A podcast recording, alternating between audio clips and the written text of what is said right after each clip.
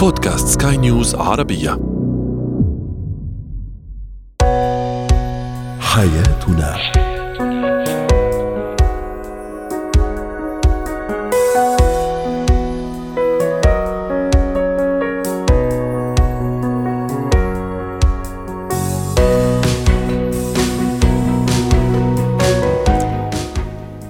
مستمعينا الكرام أهلا بكم معنا في حياتنا فضاؤكم اليومي الذي يعنى بشؤون الأسرة وباقي الشؤون الحياتية الأخرى والذي يمكنكم الاستماع إليه عبر منصة Sky News Arabia dot com slash podcast وباقي منصات سكاي نيوز عربيه الأخرى. شاركونا عبر رقم الواتساب 00 971 56 1886 223 معي أنا ابتسام العكريمي.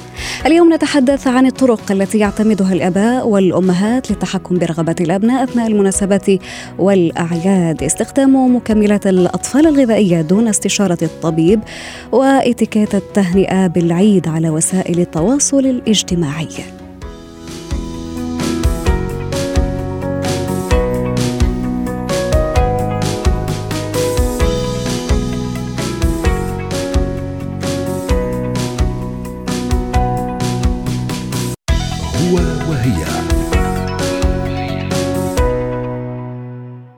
قد يشعر الوالدان باضطرارهم أحيانا لمسايره رغبات الأبناء والتجاوب مع متطلباتهم المتزايدة لا سيما في أوقات الأعياد والمناسبات يقف الأب أو الأم أمام طلبات مستمرة للطفل يحركها هوس الاقتناء لملابس أو ألعاب تظهرها الإعلانات أو حتى يتحدث عنها رفاق هذا الطفل. هنا نتساءل مستمعينا الكرام هل لابد عليهم الوقوف في وجه هذه الطلبات أم مجاراتها؟ كيف يتحكم الوالدان في رغبات الأبناء أثناء المناسبات والأعياد؟ هذا هو سؤالنا التفاعلي. ورحبوا معي بالدكتورة كارين ايليا المستشارة النفسية والأسرية. يسعد أوقاتك يا دكتورة. هذا هو سؤالنا التفاعلي لتعليقات كثيرة وصلتنا على منصة سكاي نيوز عربية. تعليق يقول لازم نعلم أطفالنا القناعة ونربيهم على ذلك. تعليق آخر يقول أنا بعاني من هذا الموضوع وما بقدر أقول لا لأولادي. تعليق يقول إذا ما اشتريت في العيد وفي المناسبات يا ويلي وإذا اشتريت كمان طلباتهم ميزانية ما عرفنا شو نسوي. نحن إن شاء الله نساعدكم اليوم ونعطيكم بعض الحلول اللي ممكن تفيد في هذه الحالة. أهلا وسهلا فيك مرة ثانية دكتورة كارين. الأهل في حيرة اليوم من الطلبات الكبيرة بمناسبة عيد الفطر المبارك أو أي مناسبات أخرى. ما هي الطريقة الصحيحة في التعامل مع طفلي إذا كان مهووس بالشراء؟ حضرتك تعرف يا دكتورة أنه بعض الأطفال يروحوا لطريقة صعبة في الزعل ويصير كأنه يريد أن يضع الآباء في موقف ضغط عشان يجيبوا له الشيء اللي يحبه. أو بيلعب لعبة المساومة مع الأهل أو بالضبط. صحيح. على كل حال نحن دائما بنقول بمنطق التربية أضبط وسيلة بيتعاملوا فيها الأهل مع الأولاد هو خلق القواعد المنزلية ومن خلال هالقواعد المنزلية بيمرروا كل المعلومات يلي بدهم يربوا أولادهم عليها. وضمن هيدي المعلومات هي القناعة هي الأشياء اللي مبدئية إنه أنا مش ساعة اللي بدي بدي أحصل. الولد ضروري يتعرض لبعض الفرستريشن أو هيك لبعض الإحباطات لأنه هودي بيساعدوه على النضج. فأنا إذا دائما بدي لبي رغباته من دون ما أحط قواعد وأنظمة إنه هيدي بتتلبى وهيدي لا الولد ما بيعود يفهم منطق اللأ بحياته وبصير أول لأ بدها تنقل له بدها تأثر عنده بدها تخلق عنده صدمة آه نرجسية بدها تخلق عنده مشاكل آه نفسية كثير كبيرة. لهالسبب من أعمار صغيرة وهون بغض النظر عن الوضع الاقتصادي للأهل لأنه في ناس بيعتبروا إنه الأهل الأغنياء معفيين من هيدي القواعد. لأ لأنه الولد قد ما يكون الولد ما بيعرف يحط حدود لطلباته أو حدود للحاجات تبعه.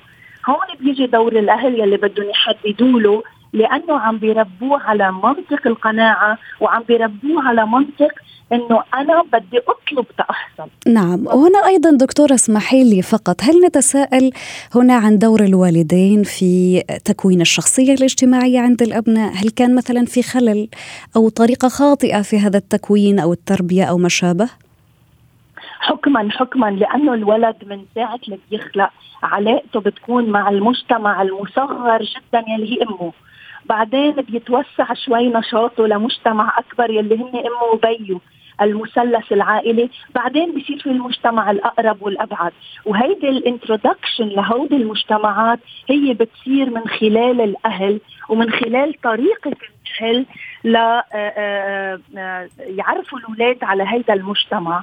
لهالسبب كل شغلة بيطلبها الولد. إذا الأهل ما بدهم يعملوها لأنه هي بتدخل ضمن القواعد حتى بالأعياد والمناسبات الولد لازم يتفسر له ليش. أهم شيء بقواعد التربية وقت أقول لا لابني هيدي لا بدي اعللها بدي بررها ومش بدي أتبرر. نشرح له يعني لماذا؟ لأنه عنده تبعات لأنه آه، قد يؤدي إلى كذا. يعني دائما حلو أصلا الشرح أو الإجابة على أسئلة الأطفال دكتور صحيح؟ ضروري مش مش مش شغلة منيحة شغلة إجبارية. لأنه أنا إذا بدي ربي ابني اولا على الثقة ثانيا بدي ربي ابني إنه مش دائما يحس بالغبن إنه أنا على طول مرفوضة طلباتي وعلى طول لأ وعلى طول أهلي صعبين إذا الأهل بيشرحوا للابن ليش عم بيقولوا لأ بمطارح؟ وبمطارح ثانية عم بيقولوا إيه؟ بيخلقوا هيدا القناعة عند الولد وبيعلموا الولد يبلش يميز ويحط مثل ميزان بين الصح والخطأ. وهون بنكون نحن عم نأسس لبناء شخصية صحية تطلع على المجتمع. وكل الأشياء اللي بنعلم ابننا عليها بأعمار صغيرة بس يكبر بنفذها يعني أنا إذا بعمر صغير ابني شو ما يطلب بعطيه بس يكبر بيطلع ابني اناني وبيطلع مثلا اذا إذا عم بتقولي له آه، جبنا سيارة للبيت هي لإلي السياره بصير كل شيء بينسبه لإله لأنه ما تعود ينقال له لا وتعود إنه أنا الملك الملك دائما حاصل على اللي بده إياه. وهذا المنطق غلط لأنه بعدين ببلش يتواجه الولد مع الأهل آه بس يبلش يشوف إنه لا مش كل شيء بالحياة قادر أحصل عليه. نعم. في كثير لا بالحياة بمطارح ثانية بينقم على أهله بينقم على المطارح الثانية وما بقعد يعرف يتأقلم. مع كل شيء جديد عم يطرق على حياته دكتورة أيضا في بعض الأوقات الطفل قد يصر على أنك تشتري له لبس معين أو لعبة معينة رآها عند صديق ورغم أنه يكون عنده ما يوازي هذه اللعبة أو هذا اللبس أو ما يشبهها لكنه يصر على اقتناء ما رآه هو هنا ماذا نفعل؟ بهيدي الحالة إذا حقيقة الولد عايز الشغلة اللي آه عم يطلبها من أهله بيشرحوا له إنه هي رح نجيب لك إياها لأنك عايزها. إذا منه بحاجة لها هي لكجري والأهل عندهم القدرة أو عبالهم يأمنوا له إياها بيقدروا يقولوا له إنه أنت مش بحاجة لها ولكن أنت طفل آه، آه، ملتزم أنت طفل جيد أنت قنوع. لهالسبب نحن ابتعينا نجيب لك هيدي الشغلة. وأحيانا إذا كانوا الأهل نتيجة القواعد اللي حاطينها حققوا التارجت للأشياء اللي بدهم يأمنوا له إياها لابنهم خلال الشهر بيعلموه على الانتظار. فبنطروه مثلا للشهر اللي جاي بنطروه للأسبوع اللي جاي حسب. هيدي ترجع الانتظار أو الصبر دكتوره ودائما يقول لك انه الابناء هم مشروع الامهات والاباء أيضا هذا المشروع اذا ما كان مبني على اسس القناعه والرصانه والقبول بواقع الوالدين مثلا انه وضعهم المادي في تلك الفترة آه، عند مستوى معين قد يستمر الامر معهم إلى بعدين وقد تكبر طلباتهم صحيح لهالسبب كثير مهم نشرح للأولاد أوضاعنا لحتى الولد كمان يفهم أحيانا اللا يلي عم نقولها من وين ناتجة. بس في فرق كتير كبير بين اشرح لأولادي عن وضع الاقتصادي وعدتي لأولادي هم وضع الاقتصادي. هون بيكون في فرق كبير. إذا بعدتي لابني همي هون عم بخلق عنده مشاكل نفسية وعم بخلق عنده عقد نقص. أما إذا أنا عم فهمه عن الواقع وعم برر ليش بمطرح ماني قادر أمن شغله أو أشتريها بخلق عند ابني مسؤولية أكبر بالعكس بصير هو عنده حس بالمسؤولية وبصير هو يعرف الأشياء يلي ما لها عازه بحياته ما بيعود يطلبها وبصير بس يطلب الأشياء يلي حقيقة آه، بيستاهلها. وهون بهيدي الحالة الأهل حلو يكون عندهم لفتة إيجابية تجاه الابن ويعملوا مبادرات آه، بإنهم يجيبوا له أشياء لابنه. أكيد من دون مبالغة. حتى من دون ما هو يطلبها دكتورة. يعني حضرتك تقصدي أنه مثل المفاجأة يعني؟ صحيح اسمها مبادرة بس هون بدهم ينتبهوا الأهل أمتى يعملوا المبادرة. مش كل ما غابوا عن ابنهم يحسوا بالذنب يجوا يعملوا مبادرة أو كل ما مثلا ظهروا من البيت يعني لازم يكون في هدية أو هيك بيتعود. صح المبادرات بدها تكون كمان لها قواعدها الخاصة بناء على الديناميكية يلي عم بيعيشوها آه، أهل البيت وبناء على الديسبلين أو على الانضباط يلي عم يظهروا الابن. وهودي كلهم الأشياء بدهم يتفسروا للابن بغض النظر قديش عمره. تمام. دكتورة نحن ما نحب نزعل ولا طرف. يعني هل من طرق أو حلول وسطية عشان نرضي الطرفين الأباء والأبناء عشان ما يزعل حد منا؟ هون دائما بنقول للأهل بس تخلقوا علاقة ثقة مع أولادكم من أول الطريق. أنتم بتكونوا راضيين والأولاد ما بيكونوا محبطين كثير إذا ما قدرتوا تأمنوا لهم. لأنه بنرجع بنقول إنه مش كل الأهل عندهم وضع مادي بيسمح لهم إنهم يكونوا عم بيعيشوا حياة ترف مع أولادهم. لهالسبب الأهل يلي ما عندهم قدرات على شراء للأولاد ما يحسوا بالذنب ولكن يكونوا عم يتعاملوا مع أولادهم بثقه مطلقة من دون ما يحسسوهم بالذنب. وأكيد الأولاد ما تعتلي همهم يعني حتى لو مش عم بتجيبي لهم كثير من الهدايا الأولاد على طول بيعرفوا يلعبوا حالهم بيعرفوا يلاقوا طريقة ليلعبوا فيها وليكبروا والهدف من اللعبة هي تساعد الولد آه على استعمال كل حواسه لحتى يكون عم يطور نسب الذكاء الاجتماعي والذكاء المساحة والذكاء العاطفي. فعطول عنده طريقة يلعب. وإذا جبنا له مينيموم هدايا كمان الأهل يكونوا آه، مرتاحين. إذا قدراتهم الماديه ما بتسمح. نعم واضح. ودائما الحلول الوسطية مثل ما حضرتك تفضلتي دكتورة هي يعني الأنجع في التعامل مع الأطفال أو في التعامل في حياتنا اليومية. شكرا لك دكتورة كارين إيليا المستشارة النفسية والأسرية. أسعدتينا بحضورك معنا اليوم ويعطيك ألف عافية. زينة الحياة.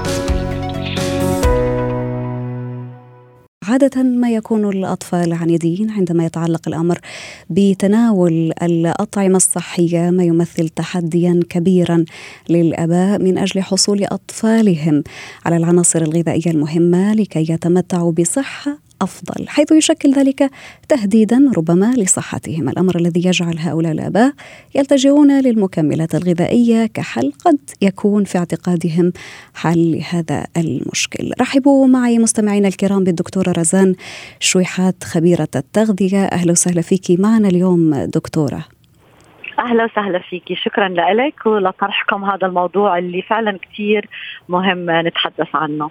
يا هلا دكتور الآباء والأمهات عندما يأخذون منحى استخدام المكملات الغذائية لأطفالهم لتعويض الفيتامينات التي قد يشكو هؤلاء الاطفال من نقصها دون استشارة الطبيب هل هو أمر عادي غير ضار للأطفال؟ هلا بداية هو لغير ضار طبعا لأنه هاي الفيتامينات بتكون موجودة عادة بالصيدليات وممكن إنه نحن نتناولها بدون استشارة طبيب لكن نحن بهمنا أكثر كمان نوعين من المدعمات الغذائية. في عنا المدعمات الغذائية اللي بتكون متعددة يعني اللي بنسميها المالتي فيتامين اللي هي بيكون فيها معظم أنواع الفيتامينات لكنها بيكون بجرعات قليلة. هاي لو تناولناها آه علشان ندعم غذائنا آه غذاء أطفالنا ما بتكون مشكلة. لكن الأنواع الفيتامينات أو المدعمات اللي بتكون بتحتوي على نوع واحد من الفيتامين مثل مثلا فيتامين د لوحده أو كالسيوم لوحده أو حديد لوحده خاصة من أكثر المعادن اللي بيتناولوها آه، بيلجأوا لها هاي لازم تكون باستشارة الطبيب لأنه بتكون الجرعة الغذائية فيها أعلى. ممكن إنها تأثر على امتصاص معادن ثانية أخرى إذا اتخذت بكميات آه، أكثر من احتياجات الطفل. طيب دكتورة رزان إذا كانت تلك المكملات قد أعطيت تحت إشراف طبيب الأسرة أو الأطفال، بعض الأباء قد يجهلون أو يتناسوا أحيانا الفترة التي حددها الطبيب، يتابعون بأعطاء أبنائهم لتلك الفيتامينات أو المكملات الغذائية، هنا هل من انعكاس سلبي عليهم؟ نعم أول شيء هون بدنا نشير لبرضه نقطتين كثير مهمة. آه إنه عادة لما بيتم إعطاء هذه الفيتامينات من قبل الطبيب بتكون بناء على فحوصات مخبرية وبين فيها إنه هذا الطفل عنده نقص بإحدى هالفيتامينات أو المعادن خلينا نقول مثلا زي الحديد. هلأ بيعطي الطبيب الجرعة المناسبة للمدة المناسبة اللي تساعدنا نرفع هالمستوى اللي فيه نقص للحد الطبيعي. هلا إمتى بنوقف حتى الطبيب نفسه ما بيحددها بعض الأحيان آه عشوائيا. بيرجع بس بعمل مرة ثانية فحص مخبري. لنتأكد هل وصل امتصاص هالمعادن ووصل للمستوى اللي المفروض يكون موجود فيه بالدم للحد اللي نحن بدنا إياه. وهون بيكون القرار هل نستمر أو هو نضيف أو هو أو هل نقلل بالكمية. فحتى يعني نحن بناخذها لمدة محددة وبرضه عدم آه، استعمالها أو إيقافها أو تكرارها برضه بيكون آه، بناء على الفحص المخبري. مرات الأهل بيعتبروا إنه ما هو فيتامين شيء مفيد عادي لو كررته هي الطفل بالضبط دكتورة وكانت هذه النقطة التي سأتساءل فيها. يعني أحيانا آه، الأباء أو الأمهات قد يستسهل هذا الموضوع وقد لا يدركون آه، ربما انعكاساته الصحيه على صحة أطفالهم. هنا قد يقولوا مثلا عادي إذا أعطيته هذا المكمل الغذائي ما نحن بنستخدمه ما هذا يعني منيح لصحة الأطفال. هنا يعني كيف كيف كيف بنوعيهم هؤلاء الآباء أو الأمهات؟ أول أولا من وعيهم بنقول نحن هاي اسمها مكملات. بمعنى بالأساس بالأساس هي تعطى تضيف للغذاء الطفل وليست بديل. علشان هيك موضوع السهولة إنما أنا ابني ما عم بياكل الدجاج واللحوم خلص بعطيه فيتامين حديد. بالضبط. هذا خطأ بالبداية okay؟ لأنه هو مكمل غذائي وامتصاصه ما بيكون 100% زي الغذاء. بالإضافة لأن الغذاء بيحتوي هالتوازن بين كل العناصر الغذائية، يعني حنشوف في كالسيوم، حنشوف في حديد، حنشوف في بروتين، فإحنا لما بنستثني وبنعطيها فقط عن طريق حبة عم بتكون المستوى كثير أعلى. وهون بصير ال side effect الآثار الجانبية بتكون اولا إما تسمم إذا إذا تناول بجرعات كثير كبيرة ممكن يصير في تسمم من بعض المعادن خاصة المعادن اللي بتتخزن بالكبد وبتتخزن بالجسم اللي هي الفيتامينات الذائبة في الدهون. هلأ فهي بيتم تخزينها بالكبد فبتشكل ضرر على الكبد وعبء عليه للمستقبل بتعملنا مشاكل. بالإضافة لأنه ممكن برضه تأثر على امتصاص معادن أخرى فمثلا بنعرف إنه الحديد والكالسيوم إذا اتاخذ واحد منهم بكميات كثير زيادة ممكن يأثر على امتصاص الكالسيوم بصير عندنا مشاكل بنقص الكالسيوم فهي نعم. برضه هاي شغلة إحنا كمان بنسميها اللي هي ال drug interaction اللي هي كيف الفيتامينات عم بيصير في تفاعل بينها لازم يكون في توازن طيب دكتورة في دقيقة فقط ألا نستطيع نعم. تعويض الفيتامينات المنقوصة مثلا من الجسم عند الأطفال ببعض الأطعمة التي تحتوي بشكل مباشر عليها؟ طبعا نستطيع آه، تعويضها إذا كانت بشكل عادي لكن إذا وصلت لمرحلة النقص الحاد لا يكفي الغذاء بتعويضها. فهون بنستعمل مدعم ليرفع المستوى للوضع الطبيعي وبعدها بنعتمد على الغذاء لحتى يحافظ على المستوى هذا ما يرجع ينزل مرة ثانية. ودائما لابد من الحذر في استخدام الفيتامينات أو المكملات الغذائية أو أي دواء سواء للأطفال أو حتى للكبار. شكرا لك يا دكتورة رزان شويحات خبيرة التغذية اسعدتينا بوجودك معنا.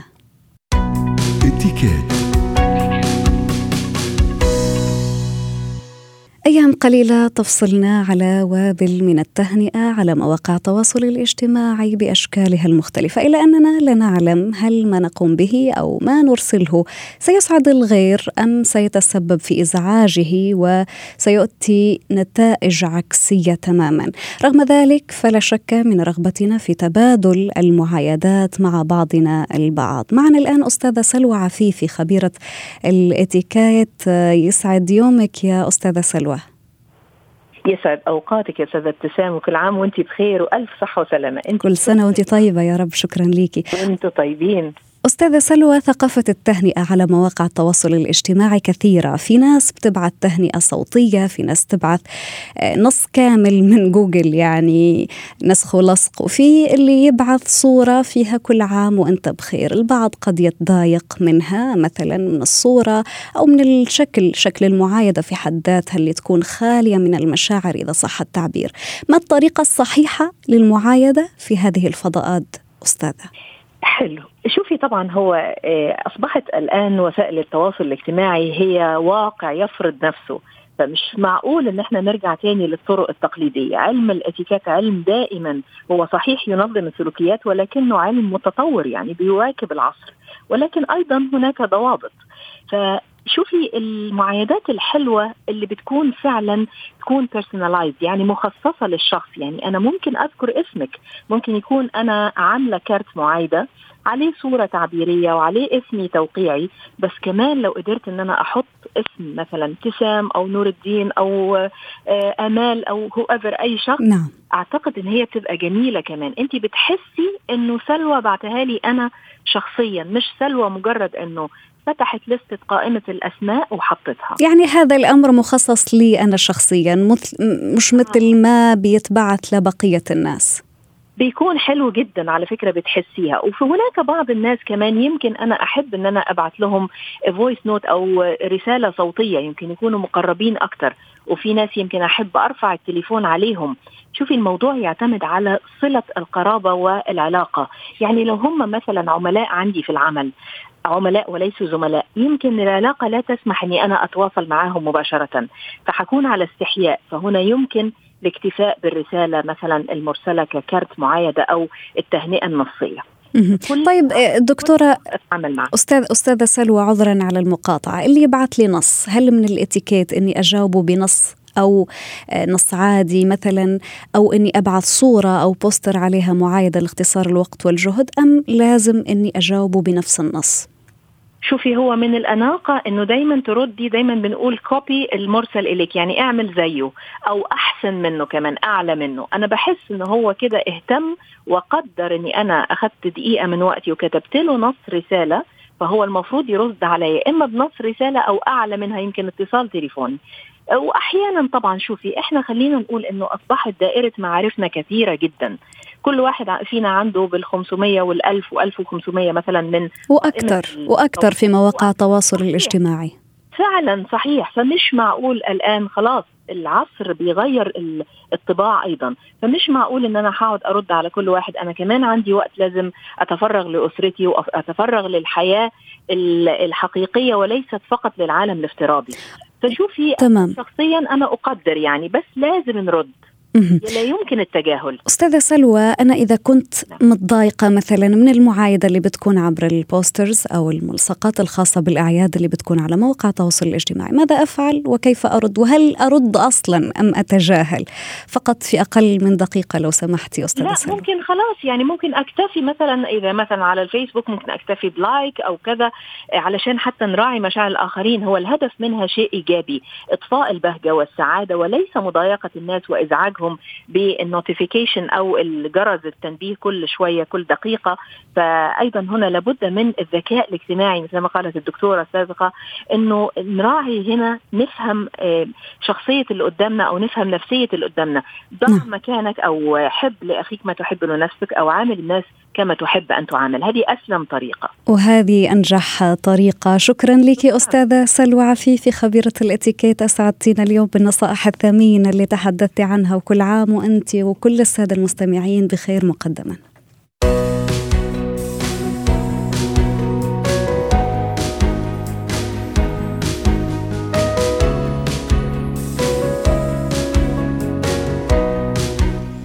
نهاية برنامج حياتنا مستمعينا الكرام انتظرونا غدا في حلقة جديدة وإلى اللقاء.